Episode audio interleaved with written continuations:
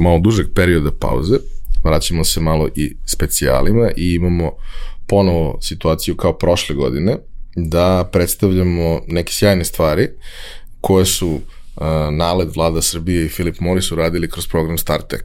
Ove godine je treća generacija i uh, odmah da kažemo prijave su otvorene do 3. maja, tako da još uvek imate vremena da se prijavite, da prijavite svoju biznis ideju ili biznis za, za neki od grantova, ali prošle godine smo imali neke sjajne priče i generalno dosta toga dobrog se izrodilo iz svega toga, a posebno je interesantno što za razliku od većine nekih sličnih programa koji postoje u različitim oblicima, ovo je fokusirano na tehnološko preduzetništvo fokusirano je na inovacije, što znači da te ideje, ok, možda nemaju toliki procenat uspeha kao one ostale, ali one koje uspeju zaista menjaju društvo i menjaju svet, tako da svaka čast na tome.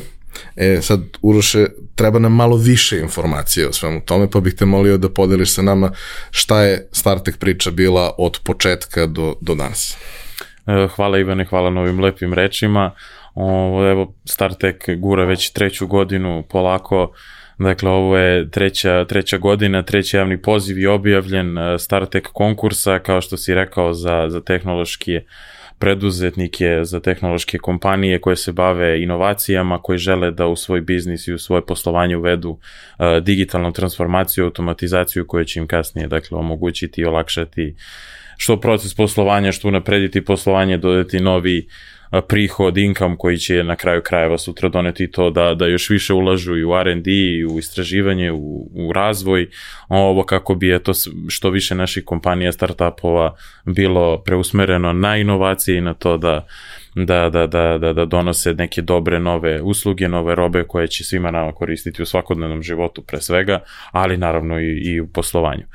Startek, kao što, kao što sam i rekao, dakle ove godine objavljen je treći javni poziv, 3. marta, do sada smo imali dve generacije iza nas koje, gde smo dodelili 57 grantova ukupno, u prvom ciklusu 29, u drugom ciklusu 28 i evo polako, polako pristižu prijeve, stvarno evo imali smo do, do 7. aprila je bila prijava za pomoć u pisanju aplikacije gde smo dobili stvarno skoro duplo veći broj aplikacija nego prošle godine i evo sada nadamo se da će do, do 3. maja stići, stići još dosta dobrih predloga ideja, tako da kao, kao, kao što si rekao do 3. maja je otvoren javni poziv i nakon toga krećemo polako u selekciju, dakle kroz tri kruga selekcije i eto već krajem godine nadamo se oktobra da, da ćemo imati i taj treći, treći odabrani um, kohort grantista gde ćemo imati, nadamo se, preko 20 ponovo kompanija koje će dobiti grant uvek postoji taj moment sa, sa ljudima koji su to prošli, neki od njih znam i sve,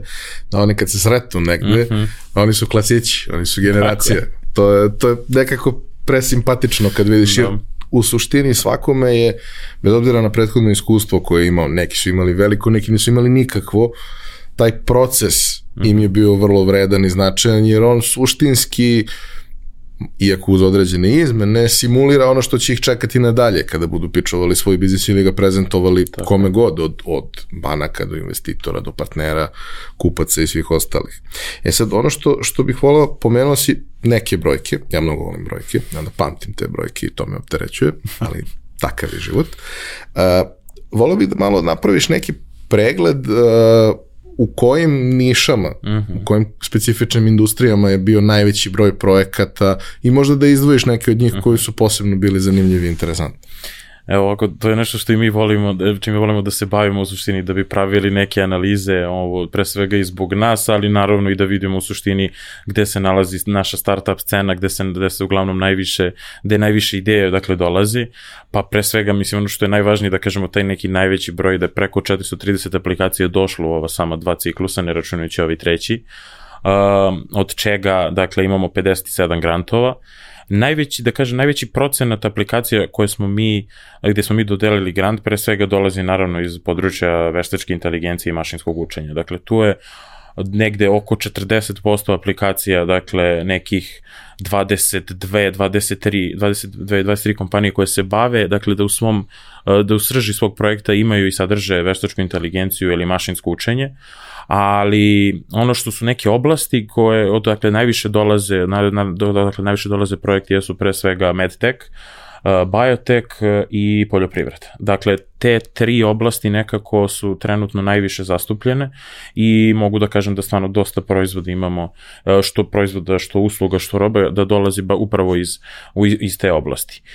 Naravno, mislim, pored toga imamo i, imamo i proizvode, odnosno usluge ili robe koje se bave i uh, da li to bila hemija, tehnološki razvoj, mašinstvo, elektronika, dakle e, to sve sve naravno predstavlja nekih desetak do 15% ukupnog e, broja dodeljenih grantova, odnosno procenta, tako da da stvarno ima možete zaključiti da stvarno dosta je širok spektar, ali to je uglavnom negde do sada ono što, što je pristiglo i verujemo da će i u ovom trećem ciklusu biti u tim oblastima najviše, najviše projekata koji će, koji će uglavnom što se prijaviti, što na kraju dobiti grant, ali dobro to je sve naravno i u odnosu na to u, i u zemlji i u regionu u kojoj živimo i u, u suštini gde ljudi vide najviše potrebu da treba da inoviraju da bi unapredili svoje biznise ili da bi pomogli drugom da unaprede svoje poslovanje i život pre svega. Da, mislim da taj moment e, kada tehnologija prestaje da bude sama sebi važna mm. i počinje lagano da više i ne tako lagano, ulazi u druge pore biznise i pomaže i biznis i ne samo biznis, nego i razne druge oblasti, jeli, ovaj, pomaže da budu bolje, efikasnije, da neke stvari rade možda na pametniji način, uh mhm. -huh. jer što kažu, mnogo je lepo oslanjati se na instinkt, ali je mnogo lepše oslanjati se na podatke, ovaj, da prosto to je prilika kako mi možda i možemo da budemo konkurentniji i kao -huh softverska industrija i tehnološka industrija, ali kako možemo da budemo konkurentni u tim nekim oblastima. Mm -hmm. da li je to uh, razvoj medicinskih uh, pomagala, mm. alata, instrumenta i sličnih stvari, da li je to ulazak u, u biotek i agrotek. Agrotek je recimo meni posebno interesantan mm -hmm. zato što ti uvek kod nas imaš taj moment da postoje različite delove zemlje, jer ona je takva kakva je, pa ima, je. ima svega na jednom mestu. Svašta možda probaš, a ne moraš da izađeš iz okvira granica Srbije.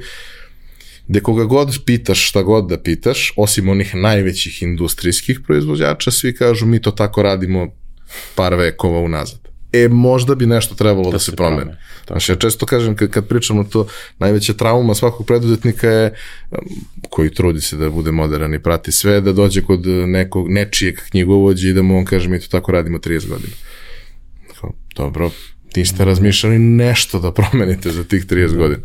Ali dobro, kažem, sve, sve te stvari lagano odlaze u istoriju, kroz prethodnih nekoliko godina shvatili smo šta sve može da se digitalizuje i da bude bolje zahvaljujući tome što, što ćemo neke stvari moći da merimo, ispratimo, analiziramo i na osnovu toga donosimo neke odluke. E sad, ono što je specifično, često ljudi misle, kada sam pričao sa nezavisnim posmatračima, ljudi misle da StarTech zapravo služi samo isključivo za, za one najmanje grantove mhm. koji se daju faktički na nivou biznis ideje ili malo više od biznis ideje, ali to nije tako, postoje tri tako. lota i ok, u onim većim lotovima imam obično manje grantista koji su dobili nešto, ali svaka od tih priča je, je interesantna.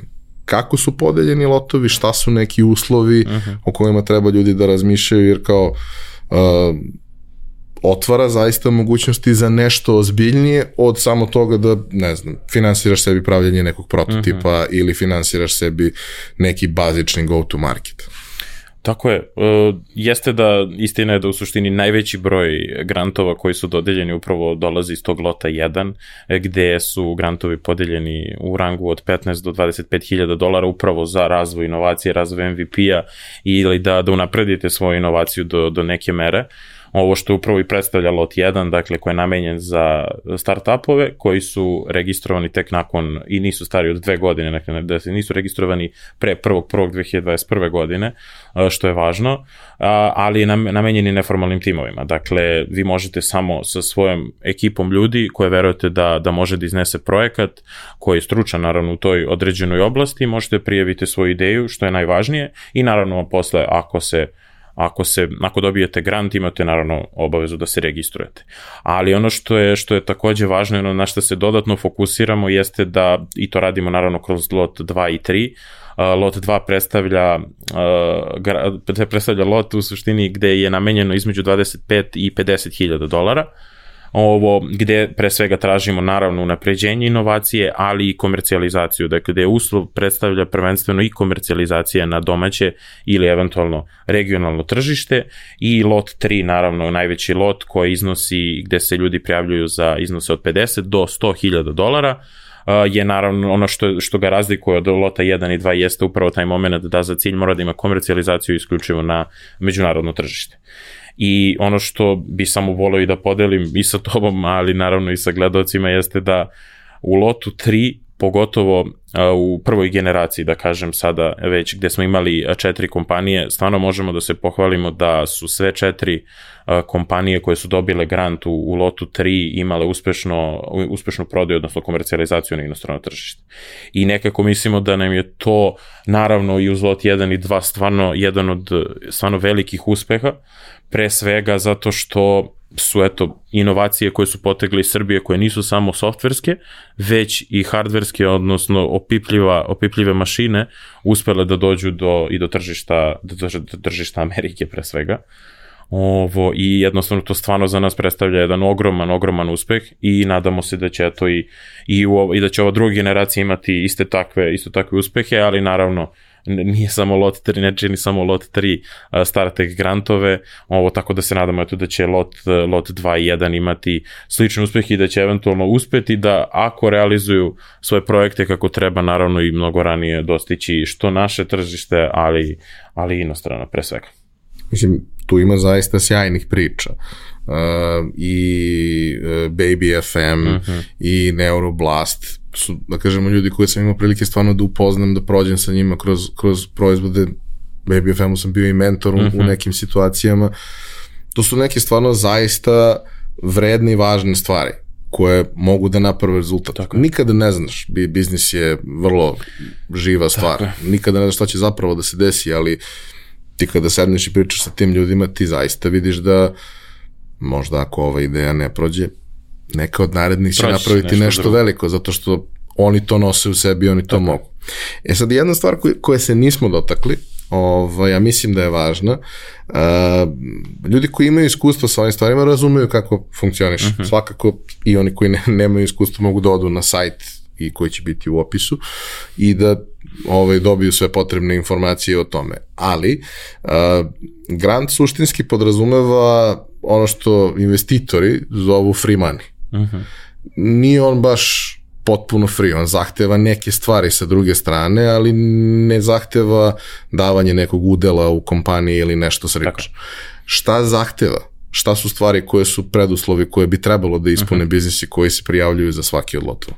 O, ono što je najvažnije, dakle, da se odmah napomene, dakle, ovo je, bespo, da, dakle, sredstva koje se dobijaju StarTech grantom su bespovratne, dakle, niko nema na kraju obavezu da mora da, da vrati određeni deo, procenat ili, dakle, u potpunosti su sredstva besplatna. Ono što, što je obaveza svakoga ko dobije grant, a naravno to stoji, dakle vidit će ljudi na sajtu, za svaki od lotova postoji deo učešća koji mora da, da, da priloži u suštini uz taj grant koji je dobio. Tako da, na primjer, uz grant od 25.000 dolara koji ste dobili u lotu 1, vi imate obavezu da uložite 10% minimum. Dakle, da bi celokupan projekat iznosio u tom trenutku 25.000 plus 2.500, 27.500 i to vam je ukupan budžet za ceo projekat u lotu 1.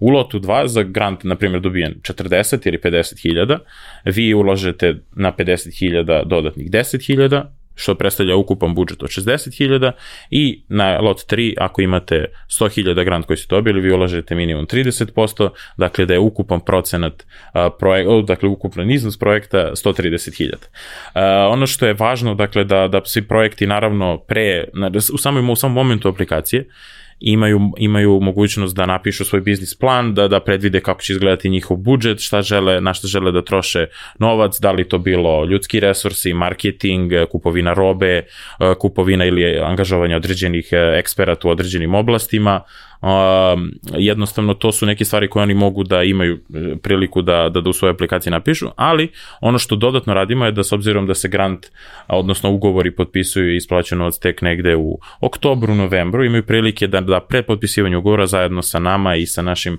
ekspertima revidiramo budžet i da u odnosu na, na situaciju koja je naravno šest meseci u odnosu na aplikaciju to prilagodimo uh, trenutnoj i trenutnoj situaciji i nakon toga kad se potpiše ugovor, dakle njihova obaveza, odnosno obaveza svakog ko aplicira i dobije grant jeste da pre svega ispuni sve indikatore koje smo naveli u u, u određenim u ugovoru pre svega i to je, to je nekako najbitnija stvar koju oni moraju da ispune.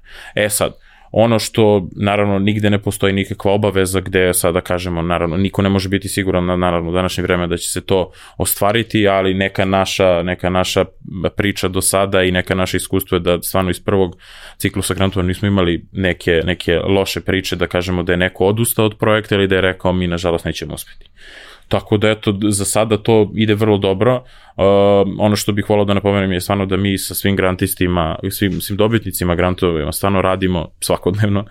Dakle, uh, pružamo priliku da naravno u odnosu na neke situacije koje se dešavaju pre svega na globalnom nivou, a znamo da su se dešavale naravno, uh, pre svega izađemo i pomognemo Dakle, ako postoji situacija koja je jednostavno takva da, da u, pogotovo, na primjer, u dopremanju određenih stvari iz inostranstva sada je potrebno mnogo više vremena, dakle, izlazimo u susret i gledamo da što više pomognemo i da budemo što fleksibilniji, da naravno taj novac pre svega bude potrošen na pravi način i da jednostavno svi uh, imamo na kraju benefit od toga, pre svega sam korisnik granta da, da može da ostvari projekat, ali da, da, da unapredi ili dođ, do, dovede tu svoju ideju do, do, do e, projektovanog stanja koje on želeo ili naravno nešto više od toga uh, i nadamo se to da, da na taj način pomažemo svima, da, da tim načinom što smo fleksibilni pomažemo da se dođe do, do, do samog e, kraja i da se eto ti projekti ostvare na način na koje je potrebno da se ostvare. Da se ostvare, a onda šta će sa njima biti dalje, da li će oni uspeti komercijalno, da li će se Tako. razviti, to je sad već pa, neka druga eto, priča. Ako bih voleo samo da dodam, mi u, u našem projektu imamo uh, odbor za grantove koji čini stvarno osam eksperata iz uh, što privatnog, što javnog sektora i trudimo se stvarno da da i kroz razgovore i da kroz mentorsku podršku koju, koju imamo naravno u sklopu celog programa, uh, Uh, trudimo se da im pomognemo na svakakav način. Da li to bilo savetodavno ili praktično, ali se trudimo da iskoristimo znanje njihovo pre svega da, da pomognemo ljudima da, da, da unaprede svoje biznise na, na, i projekte pre svega, ali naravno da dođu do momenta, kada dođe do momenta komercijalizacije i kada biznis faktički krene, to ja mislim da je nekako, tu, tu mislim da, da dolazimo do najvećeg problema uh, mislim, problema, izazova u start, na startup eko, u ekosistemu jeste taj moment kada mi imamo proizvod i želimo da krenemo i želimo da uđemo u biznis u, u komercijalizaciju i da taj moment prelaska od, dakle, faktički samog razvoja ideje ka komercijalizaciji, da tu treba najviše pomoći i trudimo se da u tom segmentu stvarno dosta pomažemo svima koji, koji su dobili grant. Uh, prošle godine smo imali neke zanimljive priče koje smo predstavili. Ove godine ćemo takođe imati neke zanimljive priče. Uh, volao bih da najaviš ko nas mhm. očekuje u drugom delu ove epizode i ko mhm. nas očekuje naredne nedelje. Tako je, u drugom delu ove epizode, dakle imat ćete priliku da čujete jednog od naših grantista iz drugog ciklusa, to je kompanija kompanija, odnosno startup Artifit i imat ćete priliku da čujete Željka Vojinovića kako govori o svom, o svom startupu i o svom, svojim proizvodu, odnosno uslugama koje, koje oni nude, a kasnije ovo, eto, imat ćete priliku da čujete i dva veoma interesantna projekta koji, koji se tiču pre svega veštačke inteligencije, to su startup DeepNets koji se faktički prijavio sa idejom, odnosno samo kao neformalni tim i uspeli su da dobiju grant, a takođe i predstavit ćemo jednog mladog inovativnog, e, to je mladu inovativnu kompaniju koju, koja je isključivo vođena od strane a, mladih ljudi koji su evo upravo tek završili fakultete, to je ekipa sjajna petoro a, mladih momaka koji, koji su završili fakultete u inostranstvu i odlučili da se vrate i, i odlučili su da naprave nešto, nešto veoma korisno, odnosno kompanija se zove Red Tech i govorit će o svom sign avataru, ovo tako da eto imat ćete prilike stvarno čujete veoma interesantne projekte, to je nešto o njima. Uroše, hvala ti, prelazimo na naredni deo. Hvala tebi.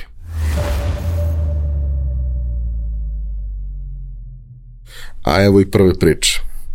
I sad ova priča, mislim, kad smo bili u nekoj pripremi svega ovoga, uh, ideja je bila da prošaramo, da imamo i ljude koji imaju ozbiljno korporativno iskustvo, kao na primjer vi, da imamo i ljude koji su iz akademije došli da naprave nešto i da imamo neko koji je izuzetno mlad i samo ima neku sjajnu ideju i treba ga podržati u tome svemu, ali kad dolazi neko ko ima ozbiljno korporativno iskustvo, to naravno donosi neku specifičnu težinu i projektu i timu i sve imaju očekivanja i tako dalje.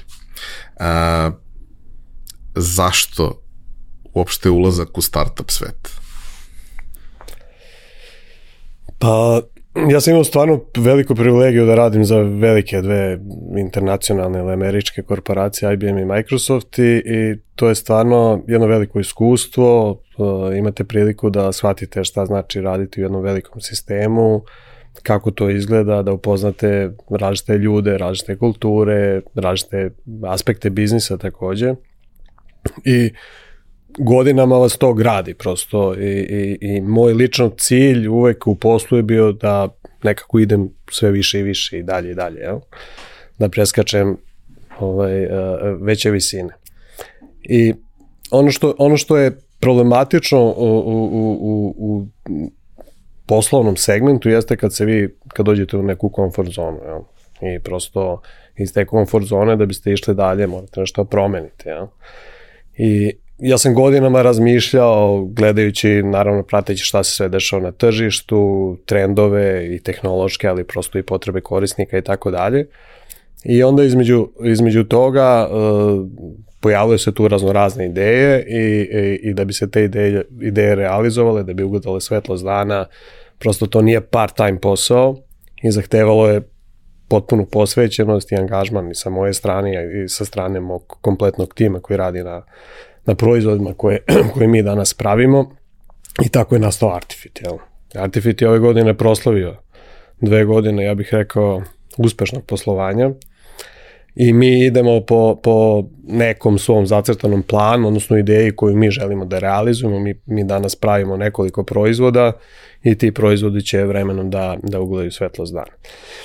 Uh, raditi u korporaciji ili u korporacijama u kojima sam ja radio, sa, kao što sam rekao, to jeste privilegija i vi nosite jedan ozbiljan brand pored svog imena. Željko Vujinović, Microsoft ili Željko Vujinović, IBM, ovaj, nekako ta, to Microsoft i IBM je uvek veoma zvučno, mislim, osim u slučaju moje majke, ali njoj je ovo zvučnije ovaj prvi deo. Ovaj, e sad kad kažete Željko Vujinović Artifit, sad je malo, ovaj, ovaj prvi deo je trenutno zvučniji, ali cilj i ono zbog čega mi radimo i ono što želimo da ostvarimo upravo da Artifit postane ozbiljan brand, tako da sutra taj Željko ili bilo ko ovaj, postaje nebitan, postaje bitno, bitno Artifit i mislim da smo mi na pravom putu. Uh, mi pravimo proizvode, mi smo softverska preoshodna kompanija koja pravi nekoliko svojih proizvoda, ali imamo jasnu viziju šta ti proizvodi treba, trebaju da donesu korisnicima u smislu vrednosti koje oni treba da daju tim korisnicima, da li će naši korisnice postanu efikasniji, produktivniji, da budu konkurentni, da zarade više para, šta god da je u pitanju, ali mi jasno možemo da obrazložimo uh, vrednost koju oni donose tim korisnicima koje mi targetiramo kao, kao ciljne grupe. Tako da, za mene lično uh, biti startup, mada ja lično i ne volim baš taj termin startup, ali ovaj, uh, uh, imati mladu kompaniju jeste stvarno izazov i nije komfort zona. Ja? Uh, izazov koji je za mene lično i uživanje, jer prosto mi verujemo u to što radimo i verujemo i znamo da ćemo da uspemo. S druge strane je velika i odgovornost. Ja? Odgovornost i prema kompaniji, prema svim ljudima koji sačinjavaju danas ovaj, tim Artifita. A, ali prosto kad pogledate sad, evo mi smo proslavili pre neki dan dve godine i kad pogledamo iza sebe, mi vidimo konkretne rezultate i, i vidimo da idemo po planu koji smo mi sebi zacrtali. Naravno, uvek postoje izazovi koje mi moramo da rešavamo, ali nekako do sada smo uspevali sve to da prevazilazimo i, i siguran sam da nas čekaju sve bolji i bolji momenti u Artifitu. I da ćemo tek da pričamo o Artifitu u ovakvim podcastima. Svakako da taj moment kada se izdvojiš iz neke velike celine koje je ozbiljen sistem podrške i resursa i svega da postaje teža. Naravno, i kontakti i znanje i iskustvo mnogo pomažu u celom procesu, ali e, veoma je teško proći sve stvari i ono, krenuti nešto faktički od nule ili je li obično krenuti pre nule da bi do toga došao. E sad, ono što, što, što nismo baš uh, se dotakli dovoljno, volo bi da, da, da malo više pojasnimo, šta je zapravo bila ideja oko koje je formiran i tim i biznis i sve ostalo. Ajde prvo konkretno za ovaj proizvod koji je da. bio grantista, ali i za ceo, celu firmu i sve ono što ti proizvodi koji su u portfoliju treba da, da rade. Pa glavna ideja odakle je sve negde krenulo, mi, mi smo kompanija koja se prevashodno, bez obzira na proizvode koje gradimo, bavimo se podacima. Ja? I pokušavamo da iz tih podataka damo neke korisne informacije koje onda naši korisnici mogu da upotrebe za donošenje ispravnih odluka, aj to tako da, da nazovemo. I ono što je, odakle cela ideja krenula jeste potreba tržišta. Mi smo danas svedoci sa velikim brojem korisnika sa kojima sam ja radio, jeste da ti podaci postoje, ali se ne koriste. Jel? I oni su tu negde, ali mi, mi znamo da ih imamo, ali ne znamo šta sa njima radimo. I, i odatle je krenula ideja i onda smo mi identifikovali, na osnovu toga smo identifikovali nekoliko, uh, uh, da kažem, kejsova gde, gde smo mi prepoznali tu vrednost koju ćemo mi tom konsolidacijom podataka, analitikom, pa onda primenjivanjem algoritama mašinskog učenja da damo tu konkretnu vrednost. Jel? I uh, ekipa ljudi koja, koja danas sačinjava Artifit ima mnogo iskustva, ima mnogo znanja, naravno imamo i mlade kolege koji, koji su ovaj relevantni članovi našeg tima i uh, mi smo shvatili da stvarno možemo i da je to naša prednost na tržištu u odnosu na neke druge kompanije koje posluju na tržištu da, da mi tu prednost možemo da realizujemo i da donesemo vrednost našim korisnicima. Tako da, suštinski ideja je potekla od podataka i naše želje i razumevanja da mi iz tih podataka možemo da damo neke korisne informacije koje će da, ovaj, da budu korišćenje od strane određenih uh, biznis segmenata na ovom tržištu, kako ovaj, kompanija, tako i pojedinaca, da dobiju neke benefite za sebe. Ja? Uh, negde u, u osnovi leži uh, realno platforma koja, koja vrši konsolidaciju podataka iz različitih izvora, jer to je ono što je danas najveći problem. Ja kažem, ja, ja, iako, mislim, mi jesmo start-up, nisam baš veliki fan ovaj, uh, tog termina uh, iz razloga što mislim da je dosta zloupotrebljen, da ljudi imaju pogrešnu percepciju toga. Mislim, uh, Najčešće kad kažete startup, onda iza toga treba stoje uh, tri, četiri čoveka bez nekog iskustva, što je svakako relevantno, ali njima treba pomoć da nauče šta znaju. Vi ste rekli sad, uh, imati malu kompaniju ima mnogo izazova, jer prosto nemate sve sisteme koji vas prate, nemate financije, nemate marketing, nemate šta god, nemate R&D, sve je to, da kažem, u, u jednom. I onda, I onda ljudi vide start-up i misle super, to su neki interesantni klinci, ali šta sa njima? Kako njima pomoći i, i kako njih, njih edukovati da, da razviju taj svoj startup u kompaniju koja će sutra posluje ne samo na ovom tržištu, nego na regionalnom i, i međunarodnom tržištu. Postoji taj moment ovaj, gde, recimo, moja prva asocijacija koja apsolutno se ne odnosi na sve, nego na samo jedan deo ljudi koji su tim pričama, ovaj, jeste da vrlo često startup uh, ne podrazumeva odgovornost, što je jako važno.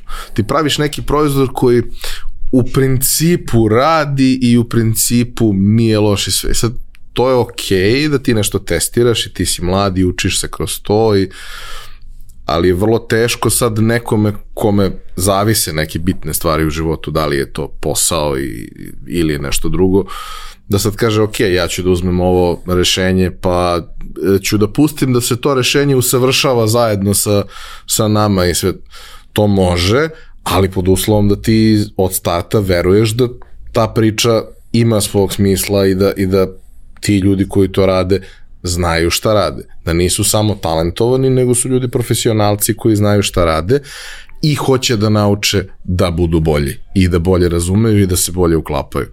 Uh, ono što, što, što je negde problem kog ste se i vi dotakli je taj moment da uh, postoji izobilje podataka, ima ih više nego ikad, što ne znači da imamo sve što nam treba. Daleko. Ali imamo mnogo toga. I to je onaj stari problem kako korporacije rešavaju uh, ovaj, tužbe uh, malih uh, upita.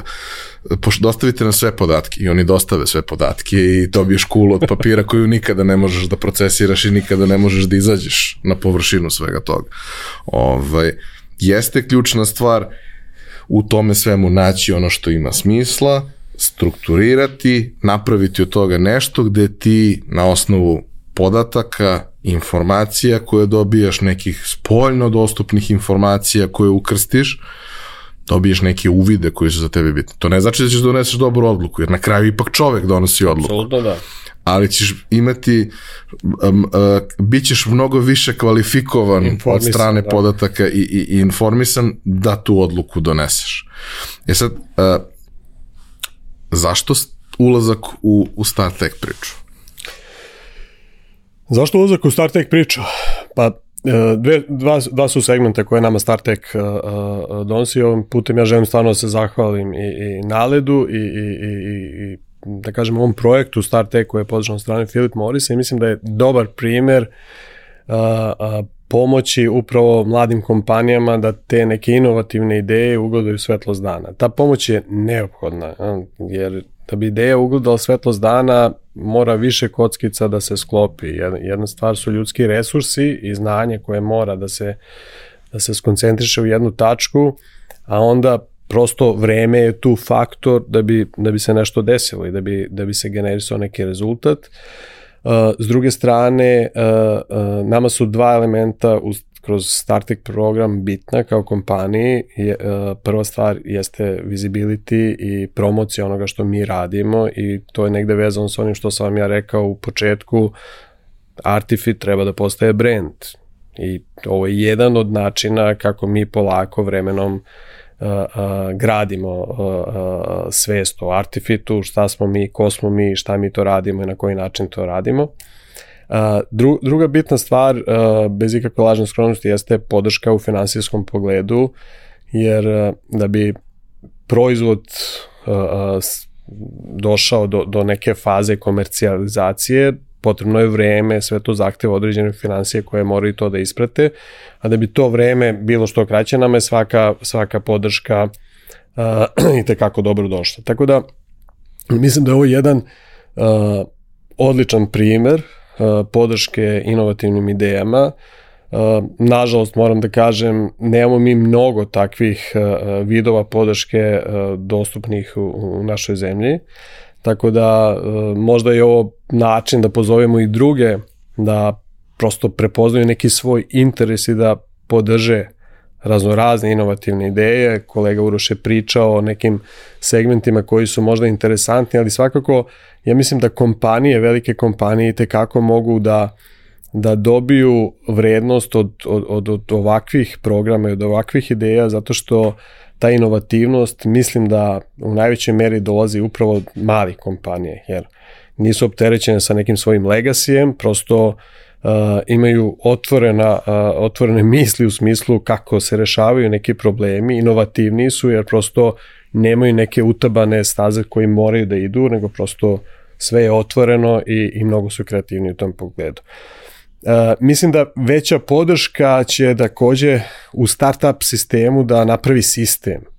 Mi iz kvantiteta moramo da dođemo do kvaliteta. Ne možete da imate kvalitet sa malim uzorkom. Ja, mislim, imate vi uspešne zemlje, recimo Izrael je vrlo uspešan u, u, u tom pogledu, ali prosto kvantitet stvara kvalitet. Da bi ste imali kvantitet morate da imate ozbiljan sistem koji podržava to, odnosno podršku da te ideje ugledaju, o, o, dođu do realizacije, ali takođe taj, taj proces edukacije i pravilna sistema, isto kao što, kaže, moje iskustvo iz korporativnog sveta jeste šta znači sistem. Zašto te kompanije, zašto IBM postoji 100 plus godina? Postoji sistem koji onda i u teškim vremenima je otpora na, na raznorazne izazove koji se susreću. Tako da i, i u ovom programu, misleći na razvoj startup kompanija, je bitno da, da postoji sistem koji će da podrži te kompanije kako bi, kako bi one uspele. Ja. To ne znači da će sve, mislim, svetska statistika, jasno, ne, veliki procent startupova ne uspe, ja, iz razno raznih razloga. Ali onda ljudi sa nekim znanjem, sa nekim iskustvom treba da, da podele. Mislim da ovaj, sam pročitao znanje se povećava deljenjem, to je, to je ovaj, jedina stvar, jedina stvar da. Ovaj, to, to, to, je, to je vaša misao sa, sa, ovaj, koju sam pročitao i mislim da je, da je to stvarno bitno i da treba napraviti uh, organizaciju koja će da omoguće da se to znanje deli. Jer zašto ja danas ne bi podelio svoje iskustvo, svoja znanja sa nekim mladim ljudima koji tek počinju? Da li ću ja njima da pomognem? Vreme će pokazati, ali Da li ja imam želju to da uradim? Imam. I, Nekima će da pomogne sigurno i odmah, neki će da shvate kasnije da im se to negde složi. Neki možda neće, ali ja to želim da uradim i ne mislim da je to, da ljudi trebaju u tom pogledu da budu sebični. Uh, mislim da, da svima protok informacija, mi smo u podacima i taj protok informacija, ja ću od njih nešto da naučim. Da, mislim da to sve ide da, na ruku, da. a da tu postoji još jedna komponenta koja jeste negde bitna, da je to za mnoge a, prva prilika da zapravo validiraju svoju ideju na neki način. Da pred nekim sudom struke ili javnosti dobiju povratnu informaciju o tome da li njihova ideja ima smisla, jer ako neko kaže ok, proći ćeš ili prolaziš sad kroz proces i prošao si jedan, dva kruga, možda treći nisi, evo što treba da popraviš, pa u nekoj narednoj prilici ima šansu ili dođeš do kraja, to znači da postoje veće šanse, odnosno što kažu kladioničari, smanjuje se kvota. Da li će to da uspe ili neće, to je nekako uvek, uvek prilično bitno. Nema garancija, možeš da napraviš sve savršeno i onda se desi COVID. Nema garancija, ali ideja jeste da taj rizik bude proračunati da bude sve manji u celom tom procesu? Pa garancije ne postoje. Mislim, garancije ne postoje. Mislim da je bitno da, da se ljudi trude i da daju svoj maksimum datom momentu. Ono što je pomoć za tu energiju koju oni već daju, da je fokusiraju u, u pravom smeru. Ja? I mislim da onda ta navigacija u kom smeru treba da fokusiraju energiju, treba, treba im pomoći sa te strane, jer imati neku ideju, možda ona nije relevantna, možda nije zasnovana na dobrom poznavanju tog nekog biznis case-a koji to neko rešenje rešava ili kako god i mislim da onda takav vid mentorstva ili podrške ili deljenja informacija šta god je u pitanju njima će pomoći da, da, da izaberu pravi smer i onda prosto energiju. A garancija ne postoji i to sreća, to može na lotovu i tako dalje, ali ja mislim da, da, da je uspeh rezultat angažovanja i truda koji je uložen u nešto. To nije srećka na loto, ja, izvukli smo sedmicu. Nego, prosto ako se vi trudite i ako verujete u to što radite, morate da verujete, to je prvi, prvi uslov. Ako ne verujete u to što radite, ne može da se desi uspeh. To, to, to, je, to je prvi preduslov i drugi preduslov jeste da dajete stvarno u svakom momentu maksimum uh, za sve što radite. I onda će, uspeh će da doći realizovat će se to. Um, u kojoj ste vi fazi sada? I šta se dešava sa, da kažem, portfolijom? Šta još tu treba da bude od proizvoda? Šta su ideje? Uh, mi, mi, ako bih podelio na neke grupe, mi imamo segment proizvoda, segment proizvoda sad to zvuči kao da imamo portfolio od 100 proizvoda, nemamo, imamo uh, trenutno tri proizvoda koji su tu da kažem u razvoju, neki su pred samim završetkom i, i mi, naši proizvodi targetiraju, da kažemo, ovaj business segment ja, korisnika, ali takođe uh, uh, consumer segment uh, korisnika. Uh, svi proizvodi imaju, uh, da kažem, u sebi implementirano ovaj, podatke, analitiku, razumevanje podataka i, i uh, uh, donošenje nekih odluka na osnovu podatka. Konkretno ovaj projekat koji je, sa kojim smo mi aplicirali, odnosno proizvod sa kojim smo aplicirali kroz StarTech program, se bavi predikcijom proizvodnje električne energije iz obnovljivih izvora električne energije. Zašto to? Zato što su, naravno, trendovi, green inicijative, veliki broj država podržava ovaj prelazak na obnovljive izvore električne energije. S druge strane, taj, taj sam proces proizvodnje nosi sa sobom dosta izazova.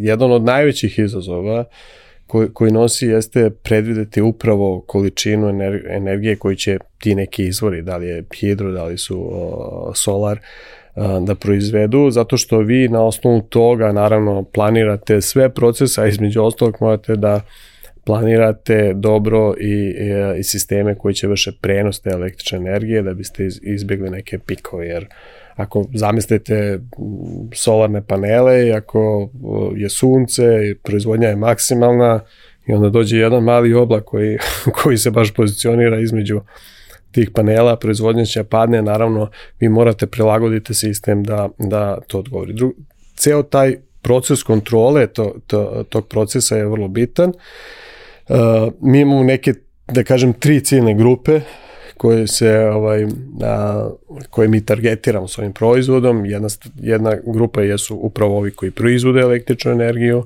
druga grupa su kompanije koje se bave transmisijom, odnosno prenosom električne energije i naravno a, treća grupa su a, traderi koji trguju električnom energijom na, na tržištima ovaj i a, zašto je opet ovaj proizvod zato što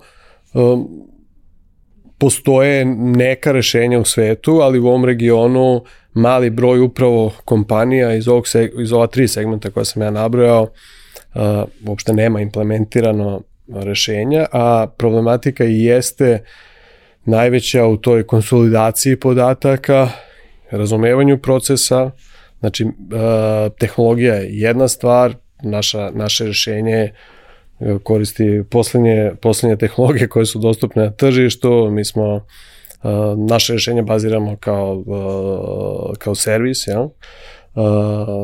nalaze se u cloudu, koriste mikroservise, sada ne ulazim u te, te tehnološke o, o stvari, arhitekturu. arhitekturu. Uh, uh, uh, i, I onda, ali ono što je potrebno pored te tehnologije jeste uh, poznavanje, domensko znanje iz, iz segmenta energetike, odnosno konkretno u ovom slučaju iz obnovljivih izvora.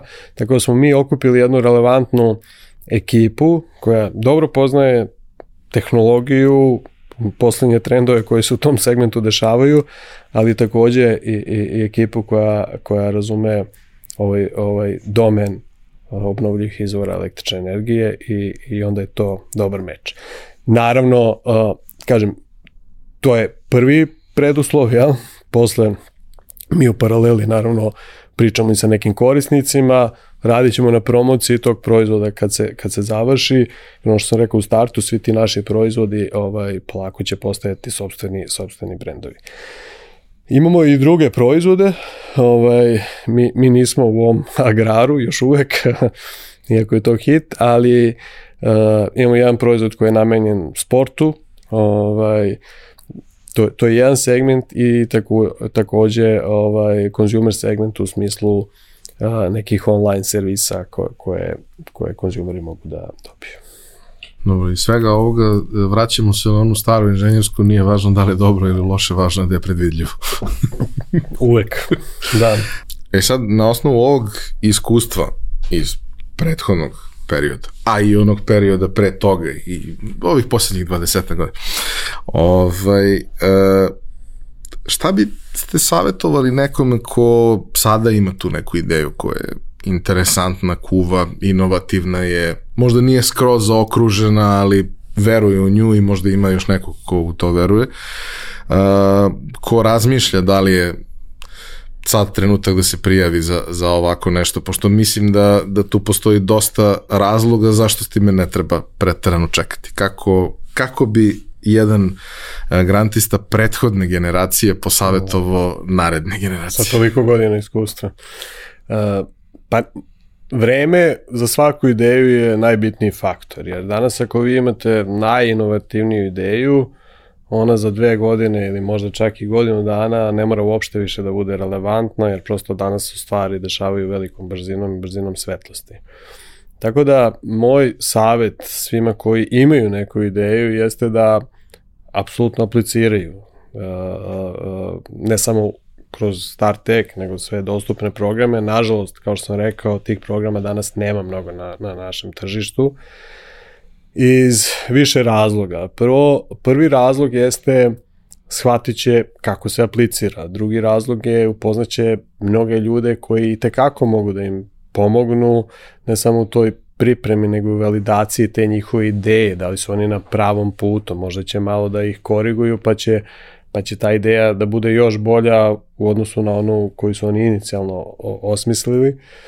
Uh, dru, druga, drugi faktor jeste upravo to vreme, jer po, pomoć koju omogućuju ovakvi projekti kao što je Startek i konkretno Startek kao što i nama pomaže da da dobijemo i na visibility da promovišemo to što danas Artifit radi, ali takođe i ta finansijska pomoć je i tekako dobro došla i bez nje je nemoguće tu ideju sprovesti u delo. Uh, ono što je takođe bitna poruka za ljude koji apliciraju da i neuspeh, odnosno ako ne prođu kroz određeni proces ili, ili ciklus, nije neuspeh, da su oni i tekako mnogo naučili kroz taj proces, da su naučili a, a, a, kako se aplicira, da su, da su upoznali neke ljude i prosto i bit će spremni za neki novi ciklus koji će doći. A, ako pobede, mislim da je to apsolutno win-win situacija, da će Startek da im pomogne da, da promovišu tu, tu ideju i da ubrza proces uh, same realizacije, tako da ja, ja mislim da niko ne treba da čeka, da uh, trebaju vredno da rade i da validiraju tu svoju ideju i da uh, jedino o čemu treba da vode računa jeste vreme i da budu maksimalno posvećeni pri realizaciji toga što su, što su osmislili. Tako da, sa moje tačke gledišta, bez obzira na to koje ste vi rekli, to, to uh, iskustvo i prethodno i prethodno i ne znam koje, uh, ne vidim ni jednu jedinu lošu stvar, tako da pozivam sve ljude koji imaju inovativne ideje i mlade i ove sa iskustvom i sa malo manje iskustva i više iskustva da apliciraju jer apsolutno tržište je gladno za novim idejama, ima prostora na tržištu za, za raznorazne ideje, naravno ideje koje imaju smisla, koje donose neku vrednost, a siguran sam da upravo iz takvih timova ta kreativnost i nove ideje i tekako dolaze i da je to prostor da, da se oni pozicioniraju ne samo na tržištu Srbije, nego te granice u, u slučaju tih ideja postaju, postaju nebitne. Jel? Ali mora od nekud da se krene, a prosto najlakše je verovatno onda step by step, a odavde. Nema previše vremena za, za ovu godinu. Rok je 3. maj, sve informacije imate u opisu na linku koji se nalazi u opisu. U narodnoj epizodi ćemo imati još dve zanimljive priče grantista od prethodne godine. Možete da poslušate i specijal od prethodne godine, jer u njemu isto ima nekih zanimljivih priča. U svakom slučaju, uh, i za sva eventualna pitanja smo tu, možete pisati um, putem sajta Starteka, možete pisati i u komentarima na YouTube-u, mi ćemo se podružiti da maksimalno brzo dobijete odgovore, ali suština negde jeste i ono što, što, je Željko rekao da je ovo sjajna prilika da vidite koliko to što vam pada na pamet ima smisla, da sjajna prilika da upoznate još neke ne tako obične ljude koji imaju neke ne tako obične ideje, pa ko zna šta će iz toga da se izrodi, možda neka sledeća priča bude bila realizovana zajedno, ovaj, ali svakako prilika da uh, stanete ispred ili iza nečega do čega vam je stalo i da vidite da li to ima prolaz uh, sa strane nekog ko, ko ima iskustvo, znanje i sa razlogom je doveden tu da ocenjuje i validira te ideje i kaže